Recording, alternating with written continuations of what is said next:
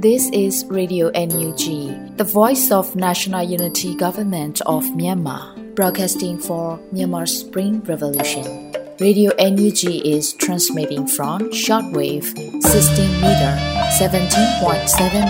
MHz at 8:30 a.m. and 25 meter 11.94 MHz at 8:30 p.m. Myanmar Standard Time. မင်္ဂလာပါရှင်။ မြို့သားညီညွတ်ရေးအစိုးရရဲ့အတန်လွင့်ဌာန Radio NUG ကိုမနက်ပိုင်း၈နာရီခွဲမှာလိုင်းတူ16မီတာ19.89 MHz ညပိုင်း၈နာရီခွဲမှာလိုင်းတူ25မီတာ17.6 MHz တို့မှာဓာတ်ရိုက်ဖမ်းယူနိုင်စေနိုင်ပါရှင်။မင်္ဂလာအပေါင်းနဲ့ပြည့်စုံကြပါစေ။အခုချိန်ကစပြီး Radio NUG အစီအစဉ်လေးကိုဓာတ်ရိုက်အတန်လွှင့်ပေးနေပါပြီရှင်။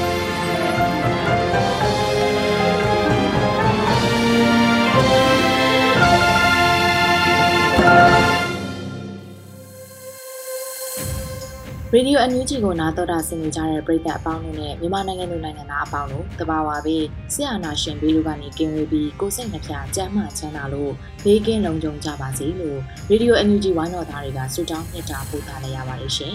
။ဒီကနေ့2023ခုနှစ်စက်တင်ဘာလ10ရက်နေ့ Radio NUG ညပိုင်းအစီအစဉ်လေးကိုစတင်ထုတ်ပြန်ပေးပါတော့မယ်။ပထမဦးဆုံးအနေနဲ့ပြည်တွင်းသတင်းတွေကိုတော့လွတ်လပ်နေဦးကဖတ်ကြားတင်ပြပေးပါမယ်ရှင်။ မင်္ဂလာပါခင်ဗျာအခုချိန်ကစပြီးစက်တင်ဘာလ10ရက်နေ့ရေဒီယိုအန်ယူဂျီရဲ့ညပိုင်းပြည်တွင်းသတင်းများကိုစတင်ဖတ်ကြားပါတော့မယ်ကျွန်တော်ကလွတ်လပ်နေဦးပါအမျိုးသမီးလူငယ်နဲ့ကလေးတငယ်ရေးရာပြည်ထောင်စုဝန်ကြီးအပါအဝင်ဒုတိယဝန်ကြီးတို့စကိုင်းတိုင်းအမျိုးသမီးတာဝန်ခံများနဲ့တွေ့ဆုံခဲ့တဲ့သတင်းနဲ့စတင်ပါမယ်စက်တင်ဘာလ9ရက်နေ့မှာအမျိုးသမီးလူငယ်နဲ့ကလေးတငယ်ရေးရာဝန်ကြီးဌာနပြည်ထောင်စုဝန်ကြီးနော်ဆူဆနာလှလှစိုးနဲ့ဒုတိယဝန်ကြီး ဒေါ်ဤတင်စာမောင်တို့သည်စကိုင်းတိုင်းတွင်းရှိအမျိုးသမီးလူငယ်နဲ့ကလေးငယ်ရေးရာမြို့နယ်တာဝန်ခံများကို Zoom meeting ပြုလုပ်၍တွေ့ဆုံခဲ့ကြပါတယ်။ထို့သောတွေ့ဆုံရာမှာပြည်ထောင်စုဝန်ကြီးကတာဝန်ခံများအနေဖြင့်မြေပြင်ရှိစစ်ပေးရှောင်ပြည်သူများနဲ့အမျိုးသမီးများအတွက်တာဝန်ယူဆောင်ရွက်ပေးမည်ပအဖတာဝန်ခံများကိုစနစ်တကျဖွဲ့စည်းပေးနိုင်ခဲ့တဲ့အတွက်ဂုဏ်ယူရပါကြောင်းမြေပြင်ခက်ခဲများစွာကိုရင်ဆိုင်ကြော်ဖြတ်ကာအန်ဒီယာကြားမှဆောင်ရွက်ပေးနေမှုများနဲ့ပတ်သက်ပြီးအမြဲတမ်းအတွင်းဝန်မှ စင်ဆက်မပြတ်တင်ပြခဲ့တဲ့အပေါ်မိမိသိရှိခဲ့ရပြီးယခုလိုတွေ့ဆုံကြခြင်းသည်တာဝန်ခံများ၏အခက်အခဲလိုအပ်ချက်များကိုပံ့ပိုးပေးရန်ဖြစ်တဲ့အတွက်တက်ရောက်လာသူများအနေဖြင့်ပွင့်လင်းစွာဆွေးနွေးတင်ပြကြရန်လိုကြောင်းတာဝန်ခံများအနေဖြင့်တော်လိုင်းလိုအပ်ချက်အရမိမိတို့ဝန်ကြီးဌာနနဲ့အတူဆက်လက်ပူးပေါင်းတိုက်ပွဲဝင်ကြမည်ကိုလည်းယုံကြည်ပါကြောင်းပြောကြားခဲ့ပါတယ်။ထို့နောက်ဒုတိယဝန်ကြီးတော်အိတင်စာမောင်ကတက်ငယ်မရိမှုလိမ်ပိုင်းဆိုင်ရာကျူးခံရမှုနဲ့အမျိုးသမီးများပေါ်နီလာမျိုးမျိုးနဲ့ အကြမ်းဖက်ခံရမှုများပြားလာသည်ကိုတွေ့ရှိရကြောင်းထို့ကြောင့်မိမိတို့ဝန်ကြီးဌာနနေဖြင့်သက်ဆိုင်ရာတာဝန်ရှိသူများဒေသအသီးသီးမှအမျိုးသမီးတာဝန်ခံများနဲ့ပူးပေါင်းကာထိရောက်စွာရေးယူဖို့လိုအပ်ကြောင်းထို့သောဆောင်ရွက်နိုင်ရန်ဝန်ကြီးဌာနနဲ့မြေပြင်တာဝန်ခံများထိထိမိမိချိတ်ဆက်မှုကအရေးကြီးပါကြောင်းပြစ်မှုကျူးလွန်သူများထဲတွင်မြေပြင်ကအာဏာရှင်ကိုတော်လှန်နေသူများပါပါဝင်နေတဲ့အတွက်ကာကွယ်ရေးနဲ့အုပ်ချုပ်ရေးရန်တရားပိုင်းမှာတာဝန်ရှိသူများနဲ့တွေ့ဆုံဆွေးနွေးညှိနှိုင်းကာအပြေရှားကြရန်လိုအပ်ကြောင်း မိမိကိုယ်တိုင်ကြားကာလဗဟိုကော်မတီအစည်းအဝေးများတွင်သက်ဆိုင်ရာဝန်ကြီးဌာနမှတာဝန်ရှိသူများကိုမိကုများမေးမြန်းခဲ့ရသည့်အထိအမျိုးသမီးရေးရာကိုအလေးထားဆောင်ရွက်နေပါကြောင်းဖြစ်ဆွပြောကြားခဲ့ပါတယ်။ရင်းနောက်တက်ရောက်လာသူများကတငယ်မရိန်းနဲ့အမျိုးသမီးများအကြမ်းဖက်မှုလျော့နှဲသွားရေးအတွက်တင်နန်းပေးရန်လိုအပ်မှု victim အမျိုးသမီးများနဲ့ PDF အမျိုးသမီးများထောက်ပံ့နေမှုတာဝန်ခံများရဲ့ခရီးစရိတ်လိမ်မိုင်းဆိုင်ရာကာကွယ်မှုအသိပညာပေးခြင်းနဲ့စစ်ပေးရှောင်များနဲ့စီရီယံဝန်ထမ်းများထောက်ပံ့နိုင်ရေးအတွက် ချိတ်ဆက်ဆောင်ရွက်နေမှုတို့ကိုဆွေးနွေးခဲ့ကြတယ်လို့သတင်းရရှိပါတယ်ခင်ဗျာဆက်လက်ပြီးအကြမ်းဖက်စစ်ကောင်စီမှသတ်မှတ်ထားသောငွေလွှဲဝန်ဆောင်မှုလုပ်ငန်းများမှတဆင့်လွှဲပို့ရန်အတင်းအကျပ်ဖိအားပေးသူမှန်သမျှကိုအန်ယူဂျီကပြင်းထန်စွာအရေးယူဆောင်ရွက်သွားမယ့်အကြောင်းတင်ပြပါဦးမယ်။ငွေလွှဲဝန်ဆောင်မှုလုပ်ငန်းများကိုအတင်းကျပ်ဖိအားပေးနေသည့်ကိစ္စနဲ့ပတ်သက်ပြီးအမျိုးသားညွေရေးဆိုရရဲ့အလို့သမားဝန်ကြီးဌာနမှစက်တင်ဘာလ10ရက်နေ့မှာထုတ်ပြန်ကြေညာချက်တစ်စောင်ကိုထုတ်ပြန်ခဲ့ပါတယ်။ထုတ်ပြန်ချက်အရ မြန်မာနိုင်ငံတွင်စစ်အာဏာရှင်စနစ်အမြင့်ဖြတ်ချင်းမုန်းရေးနဲ့ဖက်ဒရယ်ဒီမိုကရေစီပြည်ထောင်စုတည်ဆောက်ရေးလုပ်ငန်းများတွင်ပြည်ပရောက်မြန်မာနိုင်ငံသားရွှေ့ပြောင်းလူသမားများ၏ပူးပေါင်းပါဝင်မှုသည်ထိရောက်ရေးပါကြောင်းသိရှိထားသောအကြမ်းဖက်စစ်ကောင်စီသည်အလုသမားများအားမတရားအာဏာပြဖိနှိပ်ရန်နှင့်အလုသမားများရဲ့တမန်အာဇီဝချွေးနှဲစာကိုအတ္တမအကောင်းပုံဖြတ်ပြီးပြည်သူများပေါ်ညှဉ်းပန်းနှိပ်စက်တပ်ဖြတ်နေသည့်အကြမ်းဖက်လုပ်ရများအတွက်လိုအပ်သောလက်နက်ခဲယမ်းနှင့်ကြေးရွာများဘုံကျဲတိုက်ခိုက်သည့်စစ်လေးရင်စီဝဲယူရာတွင်အသုံးပြုရန်အဓိကရည်ရွယ်၍ စီစဉ်ဆောင်ရွက်ခြင်းဖြစ်တယ်လို့ဖော်ပြပါတယ်။အဆိုပါလှုပ်ဆောင်မှုသည်တည်ဆဲဥပဒေဖြစ်သည့်1996ခုနှစ်ပြည်ပလောက်ကင်ဆိုင်ရာဥပဒေနှင့်ညီညွတ်မှုမရှိသည့်အပြင်ဥပဒေကိုကျော်လွန်ကအေဂျင်စီများနဲ့အလက်သမားများပေါ်ဥပဒေမဲ့ဖိနှိပ်အကြက်ကန်ခြင်းဖြစ်သည့်အတွက်ပြပလောက်ကန်အကျိုးဆောင်အေဂျင်စီများအနေဖြင့်အကြမ်းဖက်စစ်ကောင်စီညွှန်ကြားချက်များအားလိုက်နာဆောင်ရွက်ရန်လုံးဝမလိုအပ်ပါကြောင်းနှင့်အလက်သမားများကိုအတင်းကျပ်ဖိအားပေးလိုက်နာစေခြင်းလောက်ခလာစာမှဖြတ်တောက်ခြင်းများ လုံးဝလုံးဝမပြုလုပ်ကြရန်တတိပေးလိုက်တယ်လို့ဆိုထားပါတယ်။ပြပရောက်မြန်မာရွှေပြအလုပ်သမားများ၏လောက်ခလာစာမှဖြတ်တောက်၍တော်၎င်းအခြားတနည်းနည်းဖြစ်တော်၎င်းဖိအားပေးလွှဲပို့ရန်လှုံ့ဆော်သည့်မြည်သည့် agency သို့မဟုတ်ပုဂ္ဂိုလ်ကိုမဆိုအမျိုးသားညွှန်ရေးအစိုးရအနေဖြင့်ထိရောက်ပြင်းထန်စွာရေးယူဆောင်ရွက်သွားမည်ဖြစ်ကြောင်းတတိပေးကြေညာထားပါတယ်။အကြမ်းဖက်စစ်ကောင်စီဟာရွှေပြားလူသမားများရဲ့မိသားစုလွှဲပို့ငွေအဖြစ်အခြေခံလစာရဲ့အနည်းဆုံး25ရာခိုင်နှုန်းကိုလာစဉ်သို့မဟုတ် 3လလျင်တစ်ကြိမ်၎င်းတို့သတ်မှတ်ထားသောငွေလက်ဝန်ဆောင်မှုလုပ်ငန်းများမှတစ်ဆင့်လွှဲပို့ကြရန်ပြပလုပ်ကိုင်အကျိုးဆောင်အေဂျင်စီများထံ PRP ညွှန်ကြားခဲ့တယ်လို့သိရှိရပါတယ်ခင်ဗျာဆက်လက်ပြီး85နှစ်မြောက် PN အမျိုးသားအာဇာနည်နဲ့အခမ်းအနား PN တပ်မတော်ဌာနချုပ်မှာကျင်းပခဲ့တဲ့အကြောင်းကိုတင်ပြပါဦးမယ်85နှစ်မြောက် PN အမျိုးသားအာဇာနည်နဲ့အခမ်းအနားကို PN တပ်မတော်ဌာနချုပ်မှာယနေ့စက်တင်ဘာလ10ရက်နေ့မနေ့ပိုင်းမှာအကျဉ်းကျုံကျင်းပခဲ့ကြပါတယ် အခမ်းအနားတွင်ကရင်မျိုးသားတိုးတက်ရေးပါတီပါတီဗဟိုဌာနချုပ်မှပါတီတွင်းရေးမှုနှင့်ကရင်တပ်မတော်စစ်ဦးစီးချုပ်ကရင်တပ်မတော်စစ်ရေးချုပ်ကရင်ဆိုရဌာနဆိုင်ရာများကရင်တပ်မတော်တပ်ရင်း2တပ်ရင်း3ကရင်အမြဲတမ်းပျောက်ကြားတပ်အရေးပေါ်ကယ်ဆယ်ရေးဆက်ဆက်ဆောင်ရွက်မှုအဖွဲ့ကရင်စင်တာတပ်ရင်းရဲဘော်များ KNDF ရဲဘော်များနဲ့ပြည်သူချို့တက်ရောက်ခဲ့ကြပါတယ်ထို့နောက်ပေးပို့လာသောတဝန်လောင်များဖတ်ကြားခြင်းကရင်တပ်မတော်စစ်ဦးစီးချုပ်မှအမှားစကားပြောကြားခြင်း ကြဆုံးလေပြီးသောအာဇာနည်တရေကောင်းများအလေးပြုခြင်းလွမ်းသူပန်းခွေများခြားခြင်းတို့ကိုကျင်းပခဲ့ကြတယ်လို့သိရှိရပါတယ်ခင်ဗျာဒီမော့ဆိုမြို့နယ်ကုန်းတာကြီးရွာမှာတပ်ဆွဲထားသောစစ်ကောင်စီတပ်စခန်းအားဝင်ရောက်တိုက်ခိုက်၍စစ်ကောင်စီတပ်များထွက်ပြေးဆုတ်ခွာကာပစ္စည်းချို့တင်စီရမိခဲ့တဲ့အကြောင်းကိုတင်ပြပါဦးမယ်စက်တင်ဘာလ10ရက်နေ့မှာဆိုပါစစ်ရေးတဲ့ရင်ကို PND တော်လိုင်းတပ်ပေါင်းစု KRU မှအခုလိုအသိပေးပြောဆိုထားပါတယ်စက်တင်ဘာလ2ရက်နေ့တွင် PND တော်လိုင်းတပ်ပေါင်းစု KRU သည်ဒီမော့ဆိုမြို့နယ်ကုန်းတာကြီးရွာမှာတပ်ဆွဲထားသောစစ်ကောင်စီတပ်စခန်းများအားတွားရောက်၍ဝင်ရောက်တိုက်ခိုက်ခဲ့ကြပါတယ်။တခြားတစ်ဖက်တွင်လည်းသေးစုလဲပူဖာကြီးရွာများတွင် KND တပ်ပေါင်းစုအဖွဲ့များကဝင်ရောက်စခန်းများသိမ်းပိုက်ခဲ့စဉ်အချိန်နဲ့တပြိုင်နက် KNU ဒီလဲကုန်းတာကြီးရွာသို့တပြိုင်နက်ဝင်ရောက်တိုက်ခိုက်ပြီးစစ်ကောင်စီနဲ့အပြန်အလှန်ပစ်ခတ်မှုဖြစ်ပွားခဲ့ပြီးစစ်ကောင်စီတပ်တို့ဘက်ကနောက်ဆုတ်သွားခဲ့ကကုန်းတာကြီးရွာတွင်းသို့ဝင်ရောက်စီးနှင်းနိုင်ခဲ့တယ်လို့ဆိုပါတယ်။ ကြီးရွာတွင်စစ်ကောင်စီတပ်တို့ထိခိုက်သေးဆုံးမှုများရှိခဲ့ပြီးတပ်နတ်ဆုတ်ချိန်တွင်၎င်းတို့ရဲ့မိုင်းများအလွန်အများပြားတပ်ဆင်ထောင်ထားခဲ့သောကြောင့်နေမြေရှင်းလင်းရာတွင်အခက်အခဲများရှိနေခဲ့ပြီးပစ္စည်းအချို့သာသိမ့်ပတ်ရရှိခဲ့တယ်လို့ဆိုပါတယ်။တိုက်ပွဲတွင်အကြမ်းဖက်တပ်များကြာဆုံးမှုရှိခဲ့ပြီးပူးပေါင်းတပ်များဖြစ်ကြသောကယား PND တော်လိုင်းတပ်ပေါင်းစု KRU DMO PDF တပ်ရင်းလေး KNDF BO01 တို့ဘက်မှတအူးမှထိခိုက်မှုမရှိခဲ့ဘဲတိုက်ခိုက်သိမ့်ပိုက်နိုင်ခဲ့တာဖြစ်တယ်လို့သိရှိရပါတယ်ခင်ဗျာ။ ဆက်လက်ပြီးမြန်မာစစ်တပ်ဟာကျင့်ဝတ်ပြည့်ယွင်းကလက်နက်ကိုင်အကြမ်းဖက်အဖွဲ့အစည်းတစ်ခုသာဖြစ်တယ်ဆိုတာကိုကဘာကသိမြင်နေကြပြီလို့ဦးလင်းတန့်ပြောကြားခဲ့တဲ့အကြောင်းကိုတင်ပြဖို့ရှိပါတယ်။စက်တင်ဘာလ9ရက်နေ့မှာချက်နိုင်ငံအန်ယူဂျီကိုယ်စားလှယ်ဦးလင်းတန့်မှ၎င်းရဲ့လူမှုကွန်ရက်မှာတဆင့်အခုလိုအသိပေးပြောဆိုတာဖြစ်ပါတယ်။တချိန်ကမြန်မာနိုင်ငံရေးမှာစစ်တပ်မပါဘဲဘာကိုမှပြုပြင်ပြောင်းလဲလို့မရဘူးဆိုတဲ့နိုင်ငံတကာအတိုင်းဝိုင်းနဲ့ပြည်တွင်းကနိုင်ငံရေးသမားတွေပညာရှင်တွေအစိုးရတွေနဲ့နိုင်ငံတကာအဖွဲ့အစည်းတွေဟာမြန်မာနိုင်ငံသားတွေရဲ့စိတ်ခံစားမှု တာနိဋ္ဌာန်ခြားထားမှုနဲ့အတူပြည်သူခုခံစစ်ကိုအခုတော့တအံ့တအောဖြစ်နေကြရပြီမြန်မာစစ်တပ်ဟာကျင့်ဝတ်ပြည့်ယွင်းကကိုပြည်သူကိုအကာအကွယ်ပေးရမယ်စားပြန်တတ်နေတဲ့ကိုပြည်သူရဲ့အသက်အိုးအိမ်စီးစိမ်တွေကိုရန်မှုဖျက်ဆီးနေတဲ့လက်နက်ကိုင်အကြမ်းဖက်အဖွဲ့အစည်းတစ်ခုသာဖြစ်တယ်ဆိုတာအခုတော့အားလုံးလည်းသိကြမြင်နေကြပြီဖြစ်တယ်လို့ဆိုပါတယ်လက်ရှိမှာအမေရိကန်နဲ့ဥရောပသမဂ္ဂပါဝင်နိုင်ငံတကာကစစ်အုပ်စုအပါအဝင်ဆက်ဆက်ပတ်သက်သူများကိုအရေးယူပိတ်ဆို့ထားလျက်ရှိနေပါတယ်ခင်ဗျာ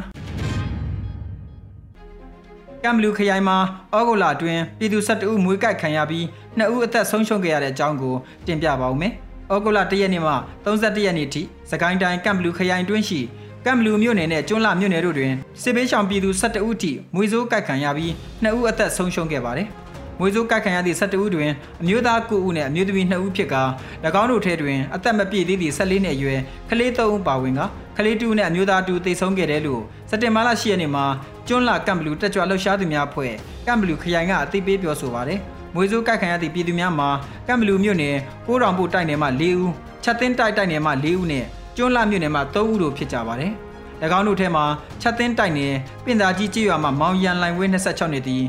ထဲထိုးရင်မွေပွေးကတ်ခံရတာဖြစ်ပြီးမြန်မာနိုင်ငံထုတ် BBI မွေစိတ်ဖြည့်စည်း10လုံးနဲ့အိန္ဒိယမွေစိတ်ဖြည့်စည်း12လုံးထိထိုးပေးခဲ့တော့လဲအသက်သေဆုံးခဲ့ရပြီးပုံနကြီးကြေးရွာမှမောင်ပိုင်ဘုံခန့်14နှစ်တည်နွားချောင်းသွားရင်မွေကြိုက်ခံရပြီးအချိန်မီဆေးကုသခွင့်မရဘဲတောထဲတွင်သာသေဆုံးခဲ့ရကြောင်းသိရပါတယ်ကမ်ဘလူခရိုင်ဒီစစ်ကောင်စီတပ်ရဲ့စစ်ကြောင်းထိုးခြင်းကိုအမြဲလိုလိုခံနေရပြီးတိုက်နယ်၈ခုနဲ့တိုက်နယ်9ခုမှာကြေးရွာအတော်များများမှာစစ်ပေးအမြဲရှောင်နေရက နိစရာတော်တဲ့တဲတိုက်များတွင်သာစစ်ရှောင်တဲထုတ်၍နေထိုင်ကြရတာဖြစ်တယ်လို့သိရပါတယ်ခင်ဗျာအင်ဒိုနီးရှားမလေးရှားနဲ့ဖိလစ်ပိုင်တို့အကြမ်းဖက်စစ်ကောင်စီရဲ့လေတပ်စည်းဝေးကိုတက်ရောက်မည်မဟုတ်တဲ့အကြောင်းကိုဆက်လက်တင်ပြပါမယ်။စက်တင်ဘာလ12ရက်နေ့မှ15ရက်နေ့ထိနေပြည်တော်မှာကျင်းပမယ်အကြမ်းဖက်စစ်ကောင်စီရဲ့လေတပ်စည်းဝေးအားအင်ဒိုနီးရှားမလေးရှားနဲ့ဖိလစ်ပိုင်နိုင်ငံတို့နီးတူတက်ရောက်မှာမဟုတ်ဘူးလို့ညှင်းဆိုင်ရာကြံရှိနေသည့် အာဆီယံအဖွဲ့ဝင်နိုင်ငံများကို Justice for Myanmar ကအခုလိုတောင်းဆိုလိုက်ပါတယ်။အာဆီယံအဖွဲ့ဝင်နိုင်ငံများအနေဖြင့်တရားမဝင်စစ်အုပ်စုကိုအာဆီယံကာကွယ်ရေးဆိုင်ရာလှုပ်ဆောင်ချက်များအားလုံးမှကတ်တပိတ်ပင်ရန်နဲ့မလိုက်နာပါကစစ်အုပ်စုပါဝင်သည့်မြည်သည့်လှုပ်ဆောင်ချက်ကိုမှတက်ရောက်ခြင်းမပြုဘဲညှင်းဆိုကြရန်ကျွန်တော်တို့တောင်းဆိုပါတယ်မြန်မာစစ်အုပ်စုရဲ့လေတပ်ဦးစီးချုပ်ထွန်းအောင်သည် AACC ဥက္ကဋ္ဌဖြစ်ပြီးလက်ရှိတွင်လေကြောင်းစစ်စင်ရေးကိုအသုံးပြု၍အကြမ်းဖက်မှုများကျူးလွန်ခြင်းအမျိုးသားအမျိုးသမီးနဲ့ကလေးငယ်များအားတပ်ဖြတ်ခြင်းနေအိမ်စာတင်ကြောင်းဝတ်ပြုရာနေရာများနဲ့ကြေးရွာများကိုဖျက်ဆီးခြင်းတို့ကိုအမိတ်ပေးညွှန်ကြားလျက်ရှိတယ်လို့ Justice for Myanmar ကဆိုပါတယ် AFP သတင်းဖော်ပြချက်အရထိုင်းလေတပ်ဦးစီးချုပ်တဦးဒီသာ2023ခုနှစ် AACC စီးဝေးသို့တက်ရောက်ရန်အတည်ပြုထားပြီးစင်ကာပူ၊ဘရူနိုင်းနဲ့ဗီယက်နမ်လေတပ်တို့ကမိကွန်းများကိုပြန်လည်ဖြေကြားခြင်းမရှိဘူးလို့သိရပါတယ်။ Justice for Myanmar ၏ ပြောရေးဆိုခွင့်ရှိသူမရတနာမောင်က AACC ကိုတက်ရောက်ဖို့အင်ဒိုနီးရှား၊မလေးရှားနဲ့ဖိလစ်ပိုင်တို့ကညှင်းဆိုလိုက်တာစစ်အုပ်စုပေါ်ထောက်ခံမှုကြဆုံးနေပြီဆိုတဲ့ရှင်းလင်းခိုင်မာတဲ့သတင်းစကားပေးပို့ခြင်းဖြစ်ပါတယ်။အရေးယူခံရခြင်းလုံးဝမရှိဘဲရက်ဆက်ရောက်မှမှုတွေကျူးလွန်နေတဲ့စစ်ရာဇဝတ်ကောင်တွေအနေနဲ့ဒေတာတွင်းညီလာခံတစ်ခုရဲ့ဥက္ကဋ္ဌဖြစ်တာဝန်ယူဖို့လုံးဝမဖြစ်သင့်ပါဘူး။အခြားအာဆီယံလေတပ်အကြီးအကဲတွေအနေနဲ့အင်ဒိုနီးရှားမလေးရှားနဲ့ဖိလစ်ပိုင်တို့ရဲ့စံနမူကိုအတူယူပြီး တရားမဝင်စစ်အုပ်စုနဲ့အတူ AACC ကိုတက်ရောက်ဖို့ညှင်းဆန်တင်တယ်လို့ဆိုထားပါတယ်ခင်ဗျာဆက်လက်ပြီး Spring Yangon Investments ရဲ့နွေဦးအောင်လန်စီမံကိန်းမြေကွက်များအားလုံးရောင်းကုန်ပြီဆိုတဲ့အကြောင်းကိုတင်ပြပါမယ်စက်တင်ဘာလ10ရက်နေ့မှာ Andor Dictatorship ကအခုလိုအသိပေးပြောဆိုပါတယ်နွေဦးဒေါ်လာရင်းမှာအရေးတကြီးလိုအပ်နေတဲ့ဘန်ဒါရံပုံငွေရရှိဖို့ Spring Yangon Investment ရဲ့နွေဦးအောင်လန်စီမံကိန်းမြေကွက်များအားထုတ်ဖော်ရောင်းချပေးခဲ့ရမှာ 60 80ပေမြေကွက်ပေါင်း250နဲ့40 60ပေမြေကွက်ပေါင်း900အားကုန်စင်အောင်ရောင်းချပေးခဲ့ကြသော EOD ကိုယ်စားလှယ်ကြီးများပန်းတန်ရောက်ချီတက်နိုင်ဖို့မဆုတ်မနစ်သောစိတ်ဓာတ်နှင့်လိုက်ပါအားပေးနေကြသောတော်လံပြည်သူအပေါင်းအား EOD အဖွဲ့သားများကလေးစားဂုဏ်ပြုဥညွတ်တယ်လို့ဆိုပါတယ်။ Android Dictatorship ဟာလက်ရှိမှာကြန့်ရှိနေသေးတဲ့ EOD အယောင်စီမံကိန်းများကိုဆက်လက်ရောင်းချပေးလျက်ရှိပါတယ်။သောတာရှင်များခင်ဗျာ အခုတင်ပြခဲ့တဲ့သတင်းတွေကို Radio UNG သတင်းတောက်မင်းတီဟန်ကပေးပို့ထားတာဖြစ်ပါတယ်ခင်ဗျာ။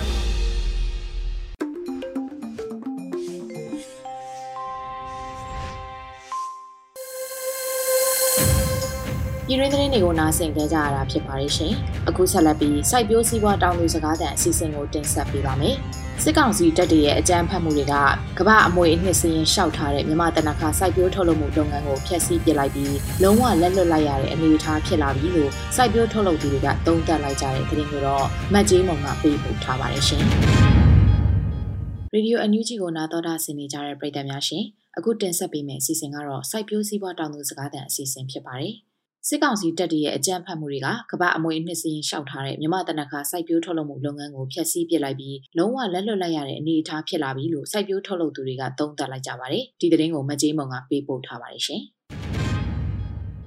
မြမတနခါစိုက်ပျိုးထုတ်လုပ်မှုရဲ့ဗဟိုချက်ဒေတာဖြစ်တဲ့အရေတော်မြို့နယ်မှာစစ်တပ်ကကြေးရွာတွေကိုမီးရှို့ဖျက်ဆီးတာပြည်သူ့ကာကွယ်ရေးတပ်တွေကိုအကြမ်းဖက်နှိမ်နင်းတာတွေကြောင့်တနခါစိုက်ပျိုးထုတ်လုပ်မှုလုပ်ငန်းကိုစနစ်တကျလုပ်ကိုင်နိုင်တာမရှိတော့ပါဘူး။ဒါကြောင့်ဘိုးဘွားအစဉ်ဆက်ကလက်ဆင့်ကန်ထိမ့်သိမ့်လာပြီး drum မဲ့ယဉ်ကျေးမှုအမွေနှစ်ဖြစ်တဲ့တနခါစိုက်ပျိုးထုတ်လုပ်မှုနဲ့လိမ့်ချယ်ခဲ့ကြတဲ့ရိုးရာဓလေ့ဟာပျောက်ကွယ်သွားမယ့်အရေးနဲ့ရင်ဆိုင်နေကြရတာဖြစ်ပါတယ်။ဒီအခြေအနေကိုအရတော်မြို့နယ်ကတနခါမျိုးထိမ့်သိမ့်တဲ့လုပ်ငန်းအပြင်စိုက်ပျိုးရောင်းချတဲ့လုပ်ငန်းကိုပါစနစ်တကျလုပ်ကိုင်ခဲ့သူတနခါတောင်သူတဦးကအခုလိုပြောပြပါတယ်။လုံးဝလွတ်လိုက်ရတဲ့အနေအထားမျိုးတွေကြီးဖြစ်သွားပြီ လုံးဝလွှဲရတဲ့အနေထားဆိုတာကတနခါစိုက်မဲ့လူကလည်းမစိုက်ဖြစ်တော့ဘူးမစိုက်ဖြစ်တော့ဘူးဆိုတာကတနခါလည်းတွေ့ချင်မကြိုက်တော့ဘူးဖြစ်သွားပြီလေစိုက်ပျိုးစိတ်နဲ့ပြုစုစိတ်နဲ့ဆိုရင်တနခါကအကျိုးမရှိတဲ့လုပ်ငန်းဖြစ်သွားတဲ့ခါကျတော့တနခါလောက်ကတော့အလုံးပြက်ပြီလို့ပဲဒီလိုပြောရတော့မှာပါရှေးခါကမြမတနခါကိုတဘာဝပေါက်ပင်တွေကိုပဲတုံးဆွဲခဲ့ရကနေတဘာဝတော်ရီကုံချိန်မှာတော့တနခါဈေးကွက်ကိုဖြည့်ဆည်းနိုင်မှုစိုက်ခင်းတွေကိုစတင်ထူထောင်လာကြတာဖြစ်ပါတယ်။ မြမတနခါဟာအညာဒေသကယာတီးနံစိုက်ပျိုးတဲ့တောင်သူတွေအတွက်စိုက်ပျိုးစည်းဝါးရာအားထားရတဲ့နှစ်ရှည်ပင်တစ်မျိုးဖြစ်ပါတယ်။တနခါပင်ကစနစ်တကျပြုစုထိမ့်သိမ့်မယ်ဆိုရင်9နှစ်သားအရွယ်မှာခုတ်လဲနိုင်တဲ့ဈေးကွက်ဝင်တနခါပင်ဖြစ်လာပါတယ်။တနခါပင်ဟာတခြားစားသုံးသီးနှံတွေလိုပဲအပင်အပွေးလှဖို့ဓာတ်မြေဩဇာနဲ့ပိုးသက်ဆေးတွေကိုပတ်ဖြန့်ရပါတယ်။အခုခါမှာတော့ဓာတ်မြေဩဇာနဲ့ပိုးသက်ဆေးတွေဈေးတက်လာတာ73စီဆေးတွေအပြင်လုံသားစရိတ်တွေလည်းပိုပေးလာရတာကတခြားတောင်သူတွေလိုပဲတနခါတောင်သူတွေမှာလည်းစိုက်ပျိုးစရိတ်အခက်အခဲနဲ့ရင်ဆိုင်ရစေပါတယ်။ ဒါအပြင်စကိုင်းတိုင်းအတွင်းကတနခါတောင်သူတွေမှာကသွေးအားစုစရိတ်တွေတက်လာပေမဲ့တနခါဈေးတွေတက်မလာတဲ့အပြင်ဈေးတွေပိုမရလာတဲ့အခြေအနေကိုတနခါစိုက်တောင်သူတအုပ်ကအခုလိုပြောပြပါဗျ။အခုဟာကြတော့တနခါပွဲသားတွေကလည်းတိတ်ပြီးတော့အလုံးမလုံးတော့ဘူး အလုံးမလုံးဘူးဆိုတော့မအေးချမ်းတော့လေအလုံးမလုံးတော့တန်ခါတောင်သူတွေကဒီအယောင်းဝယ်လုပ်တဲ့လူတွေပေးတဲ့ဈေးနဲ့ပဲအယောင်းဝယ်လုပ်နေရတာလေအရင်ကလူဟိုဈေးကွက်မှာအပြိုင်ဆိုင်ဝယ်တဲ့လူမရှိတော့နီးစပ်ရလေးဒီဟိုပဲသူတို့ပေးတဲ့ဈေးနဲ့ငွေဖြစ်ရင်ပြီးတာပဲဆိုပြီးအဲ့လိုရောင်းနေကြစိုက်ပျိုးထုတ်လုပ်မှုနဲ့ဈေးကွက်တင်ပို့မှုကပုံမှန်အခြေအနေမှာမရှိတော့တဲ့အခါတနခါစိုက်ပျိုးမှုက80ရာခိုင်နှုန်းလောက်ကျဆင်းသွားတယ်လို့ပေးတဲ့လောက်ဈေးနဲ့ယူရတဲ့တနခါဈေးတွေကြောင့် တနခါကရလာတဲ့ဝင်ငွေကလည်း85ရာခိုင်နှုန်းအထိလျော့ကျသွားတယ်လို့တနခါစိုက်တောင်သူတွေကပြောပါတယ်တနခါဈေးကွက်ကအရေတော်မြို့နယ်အပြင်ပခုတ်ကူမြိုင်မန္တလေးနဲ့ပေါ့မြို့နယ်တွေမှာပါတည်ရှိနေတာဖြစ်ပြီးတနေ့ကိုပြင်းပြတနခါတန်ချိန်တက်20လောက်ဈေးကွက်ကိုတင်ပို့နေတာဖြစ်ပါတယ် 2020ပြည့်နှစ် COVID-19 ကပ်ရောဂါစတင်ချိန်ကစလို့စစ်တပ်ကအာဏာသိမ်းပြီးတဲ့နောက်ပိုင်းဖျားပွဲတော်တွေအပါအဝင်မြန်မာတို့ရဲ့12လရာသီပွဲတော်တွေစိတ်သုံးခဲ့ရတယ်လို့မြန်မာတနခါဈေးကွက်လည်းညှိုးနှွမ်းခဲ့ရတာပဲဖြစ်ပါတယ်။လက်ရှိအချိန်မှာတော့တနခါထွက်ရှိမှုကိုစည်ရင်ပြုစုနိုင်တဲ့အခြေအနေမှာမရှိတော့ပါဘူး။ဒီအခြေအနေကိုတနခါစိုက်ပျိုးသူတောင်သူကအခုလိုပြောပြပါဗျ။ထိတာပါဗျာ။ထိတာပါဗျာဆိုတာဟိုဟို channel ကို view မဆိုင်နိုင်တော့ဘူးလေဒီမဆိုင်နိုင်တာကလုံုံရေး ရောငွေရေးကြီးရောနောက်ကုန်စည်နှုန်းတွေတက်တာတွေရောပေါ့နော်ကုန်စည်နှုန်းတက်တာဆိုတော့တခါကို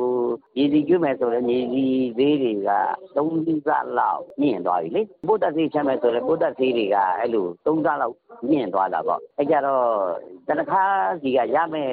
အကျိုးမြတ်ကလည်းမရှိတော့ပြစ်ထားတယ်လို့ဖြစ်ကုန်တာပေါ့လွန်ခဲ့တဲ့နှစ်ပေါင်း2000ကျော်ကလေးကလိမ့်ချဲစရာပစ္စည်းဖြစ်အသုံးပြုခဲ့တဲ့တနခါကစိတ်ကြည်လင်လန်းဆန်းစေတဲ့မွေးရနံရှိတဲ့အပြင် အသားရည်ကိုအေးမြချောမော့စေလို့လက်ရှိအချိန်ထိအစဉ်အဆက်လိမ့်ချေခဲ့ကြတာပဲဖြစ်ပါတယ်။မြမတနခါဈေးကွက်ကြီးမားတဲ့အနေအထားကြောင့်အိန္ဒိချင်းတရုတ်နဲ့ထိုင်းနိုင်ငံကပါဓာတုနီးနဲ့ပေါ်ဆက်ထားတဲ့တနခါထုတ်ကုန်တွေကိုတရားမဝင်တင်သွင်းလာတာတွေရှိနေပါတယ်။မြမတနခါစိုက်ပျိုးထုတ်လုပ်တဲ့လုပ်ငန်းကစစ်တပ်ကြောင့်ထိခိုက်ပျက်စီးလာသလိုတရားမဝင်ဈေးကွက်ချဲ့ထွင်လာတဲ့တဘာဝတနခါမပါတဲ့ဓာတုတနခါတွေရဲ့အန္တရာယ်ကိုလည်းရင်ဆိုင်နေရတယ်လို့တနခါအသင်းအဖွဲ့ဝင်တအုပ်ကအခုလိုရှင်းပြပါတယ်။ ထိုင်းကနေတင်သွင်းနေတဲ့တနခါနာမည်နဲ့တင်သွင်းနေတဲ့ကုမ္ပဏီတစ်ခုရှိပါတယ်အဲ့ဒါကကျွန်တော်တနခါနာမည်နဲ့အမှုလည်းမပါဘူးတနခါပေါင်တာဆိုပြီးလောက်ထားတယ်တနခါဆက်ပြဆိုပြီးလောက်ထားတယ်ကျွန်တော်တို့ပြည်တွင်းကနေပြီးတရားဝင်ဝယ်ထားတဲ့ဟာလည်းမရှိဘူးပေါ့ပါဝင်တဲ့ပြည်ရင်းမှာလည်းပေါ်ပြထားတာလည်းမရှိဘူးဒါတွေကစားသုံးဥပဒေနဲ့ဒီဒါတွေကကန့်ကွက်လို့လည်းရတယ်ပြီးတနခါစိုက်ကြည့်တဲ့ချုပ်လို့တဲ့လူတွေမနစ်နာမဆုံးရှုံးအောင်ပေါ့မြန်မာယူရည်ကြီးမပါပြောအောင်တနခါကိုအချင်းချင်းမှဖြစ်စီတဲ့အနေအထားမျိုးတွေနဲ့တောင်းချနေရတယ်မကောင်းဘူးပေါ့အဲ့ဒါတော့ကျွန်တော်အင်ဂျင်နီယာနိုင်ငံတွေကနေပြည်တွင်းမှာပြည်နေနေတာ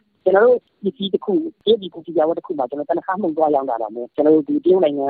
ဇက်ခွဲဆန်းတဲ့အဲ့တနခါမှုကအမိုင်းနဲ့ပြည်ကလားဇက်ခွဲဆန်းတက်ပြီးကလားဒင်းကမရှိကလားဇက်ခွဲဆန်းတက်ပြီးလားသူတို့ရဲ့ဒီကိုချုပ်တင်းနေဘာမှဒီမှာတော့အဲ့ဒီနာကြီးနိုင်ငံတွေကတင်းလို့လာတဲ့ဟာတွေဘယ်လိုပဲဒီကိုထဲမှာလက်ခံနေတာမကောင်းဘူးပေါ့ဗျာအဓိကတော့ဒီဆိုင်ကတင်းလို့ခါပြီးကုန်ပစ္စည်းတွေတော်တော်ကိုများတယ်ဒီကလည်းကျွန်တော်တနခါဆိုပြီးတော့လောက်ရတယ်အောက်လန်းကနေဝင်လာတယ်တကယ်ကြတော့ကျွန်တော်တို့ဒီနေ့နေပြီးတော့ကုန်ရမ်းဝယ်ရမယ်ဘယ်သူပြရဝယ်တယ်ဒါလောက်ထားတယ်တနည်းခိုင်လို့ပါတယ်ဒါမျိုးတွေပဲဒီလိုပဲဖြစ်ဖြစ်နေတာပေါ့ ကျွန်တော်အဲ့ဒီမှာပါမယ်ကိုပြည်ရင်းတနခါပိုက်ကြီးထုတ်လိုက်တဲ့လူတွေတက်နေတာလည်းတူတယ်အဲ့ဒီမှာကျွန်တော်တို့ကတနခါကိုဒီလောက်မရအောင်လုပ်မပေးနိုင်ဘူးဆိုလို့ရှိရင်တနခါဖက်တဲ့လူလည်းရှိမှာမဟုတ်တော့နောက်ကျတနခါထုတ်လို့တဲ့လူလည်းရှိမှာမဟုတ်တော့အမှန်ကအဲ့လိုပဲအင်းလေးနဲ့တနခါပုံလေးနဲ့တနခါတုံးနဲ့ကြောက်ပြင်းနဲ့ပုံလေးနဲ့ပြတနခါယူမှုလေးအမှန်လေးထည့်ပြီးတော့လုပ်နေဒီလိုမျိုးကြီးပြစ်ထားတဲ့ဆိုရင်ညမတနခါရေးရရင်ကျင်းမှာစက်ွယ်သွားနိုင်တယ်ပေါ့နော် စစ်တပ်ရဲ့ဖိနှိပ်အုပ်စိုးမှုတွေကြောင့်မျက်စိရှိမှရင်ပျက်စီးသွားရတဲ့ကျေးလက်ကမိသားစုတွေနဲ့နှစ်ပေါင်းထောင်ချီရှိခဲ့တဲ့တနခါလုပ်ငန်းနဲ့ပတ်သက်ပြီးအရေတော်မျိုးကနေနေရက်ကိုစွန့်ခွာခဲ့ရတဲ့တနခါတောင်သူတို့ကအခုလိုသုံးသပ်ပြပါတယ်။ကံဆုံးမုံမောင်ကြတဲ့အချိန်ကိုရောက်နေတယ်လို့အဲ့လိုပဲသုံးသပ်ရမှာလေ။ဒီလူလူဆိုတာဘာမှမတတ်နိုင်ဘူးလေ။အဓိကအရေးကြီးတာတော့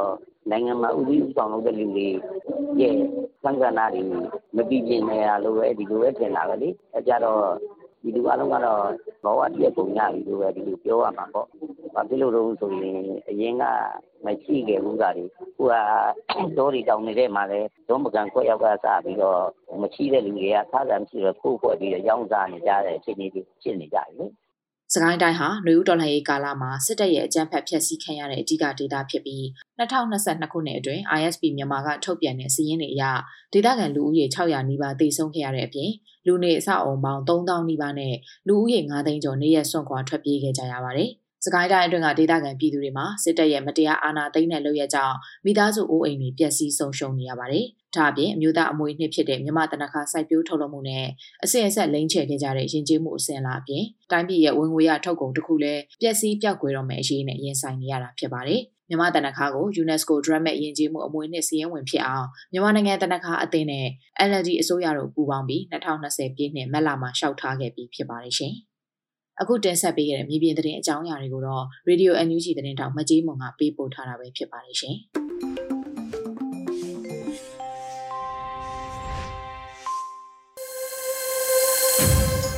Radio NUG မှာဆက်လက်အသံလွှင့်နေပါတယ်ရှင်။ဒီနေ့ညရဲ့နောက်ဆုံးအစီအစဉ်ဖြစ်တဲ့တော်လိုင်းရေးဆောင်မအစီအစဉ်မှာတော့မိုးခတင်ဆက်ထားတဲ့ CDM တို့ရဲ့အတန်နဲ့အာမန်အပိုင်း55ကိုနားဆင်ကြရမှာပဲဖြစ်ပါတယ်ရှင်။ အားလုံးပဲမင်္ဂလာပါကျွန်တော်ဒီတစ်ပတ်မှာခါတိုင်းပြောနေကြဒေါ်လာရင်းနဲ့အဓိကသက်ဆိုင်တဲ့အကြောင်းအရာတွေကိုမပြောတော့ဘဲနဲ့လူတွေရဲ့သဘောတဘာဝတွေပေါ့နော်ဇယိုက်လက္ခဏာတွေနောက်ပုရုဇဉ်တွေမှားတတ်ကြတဲ့ကိစ္စတွေပြီးတော့ကျွန်တော်တို့ထားရှိတဲ့စိတ်တွေသဘောထားတွေပေါ့နော်ဒီကိစ္စတွေနဲ့ပတ်သက်ပြီးတော့ဘုဒ္ဓတာလေးလည်းရအောင်ပြီးတော့စိတ်ခွန်အားလေးလည်းဖြစ်အောင်ဆိုပြီးတော့ဆက်နွယ်ပြီးပြောကြချင်ပါတယ်ပထမဆုံးတစ်ချက်အနေနဲ့ကျွန်တော်ပြောချင်တာကလောကကြီးမှာဘယ်သူမှပြည့်ပြည့်စုံတဲ့သူမရှိဘူးဆိုတာပါပဲ ဘယ်လိုမျိုးလဲဆိုတော့ကျွန်တော်တို့ရဲ့ရုပ်ရည်တွေအတန်တွေခန္ဓာကိုယ်အချိုးစားတွေနောက်မိဘပေါ့နော်မိဘတွေနောက်ညံရည်တွေဒါတွေမှာဒါတွေအားလုံးအားလုံးနဲ့ပတ်သက်ပြီးအရာအားလုံးပြည့်ပြည့်စုံတဲ့သူဆိုတာမရှိဘူးပေါ့နော်ရုပ်ရည်လေးလှတဲ့သူဆိုရင်အတန်မကောင်းတာဖြစ်မယ်နောက်ခန္ဓာကိုယ်မလှပတာစသဖြင့်ရှိမယ်ပေါ့နော်ပြီးတော့ရင်ရုပ်ရည်တွေအတန်တွေခန္ဓာကိုယ်ချိုးစားတွေလှနေတယ်ပညာလေးလက်တက်ပါတယ်ဒါပေမဲ့မိဘမျိုးရောမကောင်းတာမျိုးလည်းရှိနေနိုင် တယ်ပေါ့နော်တခါမိဘကောင်းရင်တော့ကိုယ်မှာချုံရင်းချက်တွေရှိနေရတယ်ဖြစ်နိုင်တယ်ပေါ့နော်အဲ့တော့အရာအားလုံး perfect ဖြစ်နေတယ်ဆိုတာမရှိဘူးအပေါ်ယံကြည့်ရင်တော့တချို့သူတွေကဘာဖတ်ဖြစ်တယ်လို့ထင်ရတာရှိတယ်ဥပမာ social media လိုမျိုးပေါ့နော်အဲ့လိုမျိုး social media ရဲ့သဘောတရားလည်းအားလုံးသိရတဲ့အပေါ်မှာဒီဘာဂျူရဲ့အတူရောင်တွေပဲသူကအပြပဲရှိတာ တကယ်တကယ်ကလက်တွေ့မှာကတချို့ဟာတွေက dark side တွေရှိတယ်ပေါ့နော်အဲ့တော့ကိုမသိနိုင်တဲ့အကြောင်းတရားတွေရှိတယ်အဲ့ဒါကိုတခြားသဘောပေါက်သွားလို့ရှိရင်ကျွန်တော်တို့ကတခြားသူတွေနဲ့နှိုင်းယှဉ်ပြီးတော့ကိုယ့်ဘဝကိုမကျင်တတ်တာတွေမဖြစ်တော့ဘူးပေါ့နော်နောက်သူများကိုသွားပြီးတော့ကဲရတာမမျိုးတစ်ခုလိုက်လည်းမဖြစ်တော့ဘူးပေါ့နော်ဖြည်းဖြည်းပို့ပြီးတော့စာနာနာနဲ့လာနိုင်မယ်နောက်ကိုကိုကိုလည်းနားလဲပေးနိုင်တယ်ပေါ့နော်ကိုယ့်ဘဝကိုကျင်တတ်လာနိုင်တယ်ပေါ့နော်ဒါပထမတစ်ချက်ပေါ့ woman is perfect လို့ပြောချင်တာပေါ့နော်ဘယ်သူမှပြည့်ပြည့်စုံတဲ့တော့မရှိဘူးအဲ့ဒါကိုတခြားသဘောပေါက်နားလဲဖို့လိုတယ်နောက်နံပါတ်2ချက်အနေနဲ့ပြောရရင် အမားတွေကျူးလွန်နေပြီးတဲ့ကိစ္စပေါ့နော်ဘယ်လိုမျိုးလဲဆိုတော့ကျွန်တော်တို့ပုရုဇဉ်လူသားမှန်သမျှဟာအမားတွေကျူးလွန်တတ်ကြတယ်။ဘာဖြစ်လို့လဲဆိုတော့ကျွန်တော်တို့ရဲ့အသိဉာဏ်ဘိုင်းနေစိတ်သက်ဘိုင်းနေဟာတရားရာဂိုင်းတော့မကောင်းသေးလို့ပြောရမယ်ဆိုလို့ရှိရင်တာမန်ပုရုဇဉ်ဟာလောဘဒေါသမောဟတွေအတ္တမာမာနာတွေရှိကြသေးတယ်။ကျွန်တော်တို့မှာ bias လို့ခေါ်တဲ့ဗလိုက်မှုတွေအများကြီးရှိတယ်။ကျွန်တော်တို့ရဲ့အုံနောက်အလုပ်လုပ်တာတွေကျွန်တော်တို့ရဲ့နှလုံးသားရဲ့အလုပ်လုပ်ပုံတွေကလုံးဝအတရားရာဂိုင်းတော့မကောင်းသေးလို့ပေါ့နော်။နောက်ပြီးတော့ လူတွေမှားနေကြပြကြတဲ့ကိစ္စတခုရှိတယ်ဘယ်လိုမျိုးလဲဆိုတော့စိတ်ထားကောင်းတဲ့သူပေါ့နော်ပညာအရန်တော်တဲ့သူတွေဆိုလို့ရှိရင်အမှားမလုပ်တတ်ကြဘူးယူဆတတ်ကြတယ်အမှန်တော့အဲ့လိုမဟုတ်စိတ်ထားကောင်းတယ်ဆိုတာကတကယ်တမ်းကသူ့ရဲ့စိတ်ကောင်းကသူကသူများတဲ့ပူရှိတဲ့သဘောပဲတာမန်ရှိတဲ့ရှိတဲ့ဥပမာဆိုတော့ရာဂိုင်နှုန်းနဲ့ပြောပြရင်100ရာဂိုင်နှုန်းပေါ့နော်100ရာဂိုင်နှုန်းမှာ50ရာဂိုင်နှုန်းကတာမန်ဆိုလို့ရှိရင်သူကစိတ်ထားကောင်းတယ်ဆိုတဲ့သူတွေကတကယ်တမ်း60 90 80စရှိတဲ့ဖြင့် ကောင်းတာပေါ့နော်ကောင်းနေပုံများတဲ့သဘောဒါပေမဲ့တရားရဂိုင်နှုန်းကောင်းနေသေးတာမဟုတ်ဘူးဘာကြောင့်လဲဆိုတော့အရိယာသူလို့ဆိုမဟုတ်လို့တရားသူတရားမြတ်ရလာတဲ့သူမဟုတ်လို့အဲ့တော့သူ့မှာရှိနေသေးတဲ့ 20ရာခိုင်နှုန်းပဲဖြစ်ဖြစ်30ရာခိုင်နှုန်းပဲဖြစ်ဖြစ်မကောင်းတဲ့စိတ်ကလေးဟာဘလို့အခြေအနေမျိုးတွေမှာထအောက်ပြန်တတ်တယ်လေဆိုတော့စိတ်ခံစားချက်တွေအရင်ပြင်းထန်တဲ့အခါမျိုးပေါ့နော်။နောက်ဒရဇက်အတိုက်ခိုက်ခံရတဲ့အခါမျိုးပေါ့နော်။မတရားသဖြင့်အနိုင်ကျင့်ခံရတဲ့အခါမျိုးဒါမျိုးတွေမှာထပြီးတော့သူ့ရဲ့မာနတွေအတ္တတွေကခေါင်းထောင်လာတဲ့အဲ့လိုအခြေအနေမျိုးမှာ response လုပ်တာတုံ့ပြန်ဖို့မှားပြီးတော့မှားရင်းစွာပြောဆိုတာတွေမှားရင်းစွာလှုပ်ဆောင်တာတွေဖြစ်လာတယ်။အဲ့တော့အမှားလုပ်တတ်ကြတယ်။အဲ့တော့ပြောချင်တာကပုရုဇဉ်လူသားမှန်တယ်များ အမှားမကင်းတတ်ကြဘူးအမှားကိုလုပ်တတ်ကြတယ်။ကိုလေးစားအားကြတဲ့သူအမှားလုပ်ပြီးဆိုလို့ရှိရင်တချို့ကအံ့ဩတယ်ဘယ်လိုလုပ်ပြီးတော့များလုံးမိတာလဲပေါ့နော်အဖြစ်မှန်ကိုလက်မခံနိုင်ကြဘူးတချို့ဆိုရင်ကာကွယ်ပေးကြတာရှိတယ်ပေါ့နော်ဆင်နေပြီးတော့အမှန်ကအဲ့လိုမဟုတ်ဘူးစိတ်ထားကောင်းတယ်ဆိုတာတရားရခိုင်တော့စိတ်ကောင်းရှိတဲ့သူပြောတာမဟုတ်ဘူးစိတ်ကောင်းလေးတာမှန်လဲပုံများတဲ့သူကိုဆိုလိုတာဖြစ်တယ်အဲ့တော့ဘယ်သူမှဆိုအမှားကျူးလို့တကြတယ်အဓိကကဘာလဲဆိုတော့ကို့အမားကိုကိုအမြန်ဆုံးသိအောင်လုပ်ဖို့ပေါ့ နော်ပြီးရင်ဝန်ခံဖို့လိုတယ်နောက်ပြီးတော့ရင်လိုအပ်ရင်တောင်းပန်ဖို့လိုတယ်တောင်းပန်ရဖို့လိုတယ်အဓိကအဲ့ဒါပေါ့နော်အဲ့ဒါတစ်ချက်နောက်ထပ်ပံတယ်လဲဒီလိုအမားတွေကိုမကျိုးလွန်မိအောင်မကျိုးလွန်အောင်သင်ခန်းစာယူဖို့တာဝန်လာယူဖို့လိုတယ်ယူသားဖို့လိုတယ်ပေါ့နော်အဲ့ဒါနံပါတ်2အချက်အနေနဲ့ပြောချင်တာအမားတွေနဲ့ပတ်သက်ပြီးတော့နောက်နံပါတ်3အချက်ကမလိုအပ်ပဲနဲ့ကျွန်တော်တို့ရဲ့ဘဝတွေမှာညှင်းခုန်မှုတွေမပြုလုပ်ဖို့လိုအပ်ရင်တော့ညှင်းရမယ်မဖြစ်မနေပေါ့နော်မဖြစ်မနေအရေးကြီးတဲ့ကိစ္စမျိုးတွေအ ငင်းကုန်လုံးမကိစ္စမျိုးအကျေတဲဆွေးနွေးရမယ့်ကိစ္စမျိုးဆိုတော့ဆွေးနွေးရမယ်သို့တော့ဘာမှဒီရလက်က result ကအရေးမကြီးဘူးဘယ်သူအတွက်မှလည်းအကျိုးမရှိတဲ့ကိစ္စမျိုးဆိုတော့ပြိုင်မငင်းတာကောင်းတယ်ပေါ့နော်ဥပမာလေးနဲ့ပြောမယ်ဆိုလို့ရှိရင်မန်ယူနဲ့ချယ်ဆီဘယ်ချင်းပိုကောင်းတယ်လို့ဒိုလေးနဲ့မက်ဆီဘယ်သူပိုကောင်းလဲဆိုလို့ကိစ္စမျိုးတွေပေါ့နော်ဒါကိုအသေးအံငင်းကြတာမျိုးတွေပေါ့ဒါဥပမာပေးတာပေါ့နော် controversial issue တွေကိုဥပမာပေးတာပေါ့ရှင်းရှင်းလို့မပြီးနိုင်တဲ့ကိစ္စမျိုးတွေ နောက်တချို့ပွဲတွေဖြစ်ကြတယ်ပွဲတွေဖြစ်ကြပြီဆိုလို့ရှိရင်လည်းရရှိတဲ့ data ချက်လက်ကတိကျခိုင်မာမှုတွေရှိတာမရှိဘူးပေါ့နော် bias တွေရှိတယ်သူရရတဲ့အချက်လက်ကိုရရတဲ့အချက်လက်လူဆွဲပို့ကိုဆွဲတွေဆိုတာရှိတယ်အဲ့ဒါကိုမှမှကိုချစ်တဲ့သူကမှအမှန်ဆိုတာမျိုးပေါ့နော်နော်ကိုရရှိရတဲ့ data အမှန်ဆိုတာမျိုးတွေလည်းစုပ်ကိုင်းပြီးတော့လူတွေကညင်းကြတယ်အဲ့လိုအခြေအနေမျိုးတွေမှာဆွေးနွေးလို့လည်းအပူပဲပေါ့အမုန်းတွေကအဖက်နေတာပဲရှိအဲ့ဒါမျိုးအဲ့တော့လူတွေက perception လို့ခေါ်တဲ့ မြင်သည့်လက်ခံပုံတွေမတူကြဘူး perspective လို့ခေါ်တဲ့ရှုမြင်ပုံတွေရှုထောင့်တွေမတူကြဘူးအဲ့တော့အသိဉာဏ် level လည်းမတူရတဲ့ကြောင့်မလို့သဘောထားကွဲလွဲမှုတွေဖြစ်နေမှာပဲအဲ့တော့ပြောချင်တာကမလို့အရင်မငင်းခုန်တယ်ပေါ့နော်ကို့အမြင်မှာအမှန်လို့မယူဆတယ်ဒါနံပါတ်3အနေနဲ့ပြောချင်တယ်နောက်နံပါတ်4အချက်အနေနဲ့ပြောချင်တာကကျွန်တော်တို့ရဲ့ဘဝတွေမှာကံကြမ္မာတွေကတသက်မှတ်တည်းရှိမနေဘူးနှိမ့်တဲ့အခါနှိမ့်တယ်မြင်တဲ့အခါမြင်တယ်နှိမ့်လိုက်မြင်လိုက်ဖြစ်နေတာရှိတယ်ပြီးရင် ပုံမှန်လေးဖြစ်နေတာတွေရှိတယ်ဘယ်သူမဆိုပဲဒါလူတိုင်းရဲ့ကံကြမ္မာအဲ့တိုင်းပဲသွားတယ်ကံကြမ္မာ level ကနှိမ့်လိုက်မြင်လိုက်ဖြစ်နေတယ်လဲနေတယ်မြတ်တသမတ်လည်းရှိနေဘူးငြိမ်နေတဲ့ခဏတစ်ဖြုတ်ပဲအဲ့ဒါကိုတော့အောင်နားလဲဖို့လိုတယ်အဲ့တော့ကိုကန်ကောင်းတဲ့အချိန်မှာလည်းရွှေတီးဆောင်ရတာမျိုးရှိပေါ့အကန်ဆိုလို့ရှိရင်လည်းဖိနှိတ်ခံရတာတွေရှိတယ်လူအထင်သေးခံရတာတွေရှိတယ်ဟို မှာအလောက်ကင်မဲ့သွားတာအခုဆို CDM တွေကိစ္စမျိုးပေါ့ CDM တွေဆိုလို့ရှိရင်အရင်ကအရင်တော့အလောက်ကင်ရှိတော့လူယိုသေးရှင်ယိုသေးပဲနောက်ပိုင်းကျတော့အလောက်ကင်မရှိတော့လူတွေကချီးနှုံနှုံငှားနှုံနှုံတွေဖြစ်လာတယ်ပြီးတော့ရင်ယာရုဆိုတာလည်းမရှိတော့အယိုတင်နဲ့တန်လာမှုတွေဖြစ်လာတယ်ပြောမှဆိုရင်ကညမာ level ရအနေမှရောက်သွားတာမျိုးပေါ့တချို့ဆိုရင်ကညမာနှိမ့်တဲ့ခါကျရင်ဆွဆွဲတိုက်ခိုက်ခံရတာလေးရှိတယ်ဘာမှအဆင်မရှိဘူးလို့ယူဆရတဲ့သူတွေဘလို့လူမှန်းမသိတဲ့သူတိုက်ခိုက်တာဟုတ်လည်းခံရတယ်ရှိတယ်အဲ့ဒါမျိုးတွေရှိတယ်ပေါ့နော်အဲ့တော့ပြောချင်တာကဘယ်သူမှဆိုဒါမျိုးတွေကြုံရနိုင်တယ် သူများမှမဟုတ်ဘူးကိုလည်းကြုံရနိုင်တယ်ကိုမှကြုံနေရတာမဟုတ်တခြားသူတွေလည်းကြုံရနိုင်တယ်ဒါမျိုးတွေကိုနှလုံးသွင်းထားဖို့လိုတယ်ပေါ့နော်အဲ့တော့အချုပ်အပြည့်ပြောရမယ်ဆိုလို့ရှိရင်လောကကြီးကအနှိမ့်စာပဲအနေဆာဆိုတာမမြဲဘူးပေါ့နော်မမြဲဘူးဆိုတော့အဲ့တော့မမြဲတဲ့ဒီလောကကြီးထဲမှာငါမှန်တယ်ငါကောင်းတယ်ဆိုတာမျိုးတွေပေါ့နော်တသက်မှတ်တဲ့ယူဆမနေပဲနဲ့အမြင်ကြည်ကြည်နဲ့ကြည်မြတ်တတ်ဖို့လိုတယ်ပြီးသွားရင်ကိုယ့်နေရာတစ်ခုတည်းကနေမကြည့်ပဲနဲ့တခြားသူရဲ့ရှုထောင့်နေရာတွေကြည့်တတ်အောင် လုပ်ဖို့လိုတယ်ပြီးရင်ဘဝမှာအမြဲတမ်းတသက်မှတ်တဲ့နှိမ့်မနေဘူးတသက်လုံးနဲ့မြင့်မနေဘူးဆိုတာကိုနားလည်သဘောပေါက်ဖို့လိုပါတယ်အခုတစ်ပတ်တော့ဒီလောက်ပါပဲမိတ်ဆွေတို့အားလုံးကျမ်းမာပေးကင်းအောင်နေပြီးတော့ကျွန်တော်တို့ရဲ့ဘဝတွေပေါ့နော်အမြန်ဆုံးပုံမှန်အခြေအနေပြန်ဖြစ်အောင်နိုင်ငံရေးပုံမှန်အခြေအနေပြန်ဖြစ်အောင်ဒေါ်လာရေးမြင့်မြင့်အောင်ကိုကြိုးစားပေးကြဖို့တိုက်တွန်းလို့ဆိုအပ်ပါတယ်အရေးတော်ကိုမိုးချအောင်ရပြီ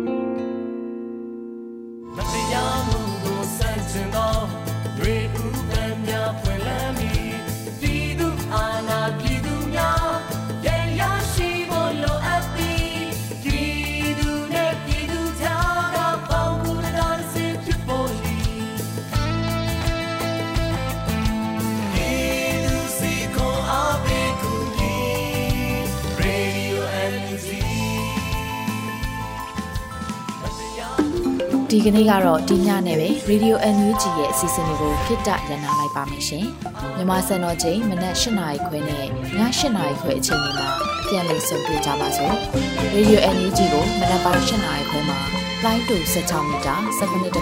MHz ညပိုင်း၈နာရီခွဲမှာလိုင်းတူ25မီတာ17.6 MHz တို့မှာဓာတ်ရိုက်ဖမ်းလို့နိုင်စေပါပြီ။မြန်မာနိုင်ငံသူနိုင်ငံသားတွေ ကိုစိတ်နှပြကျန်းမာချမ်းသာလို့ဘေးကင်းလုံခြုံကြပါစေလို့ Radio NUG အဖွဲ့သူဖေသားတွေကဆုတောင်းမြတ်တာပို့တာနေပါတယ်ရှင်။မြေသားညီမတွေအစိုးရရဲ့စက်တော်ရင်သတင်းအချက်အလက်တွေပညာဝန်ကြီးဌာနကထုတ်လွှင့်နေတဲ့ Radio NUG ဖြစ်ပါတယ်။ San Francisco Bay Area အခြေစိုက်မြန်မာမိသားစုတွေနဲ့နိုင်ငံတကာကစေတနာရှင်တို့အားပေးနေတဲ့ Radio NUG ဖြစ်ပါတယ်။အရေးတော်ပုံအောင်ရမည်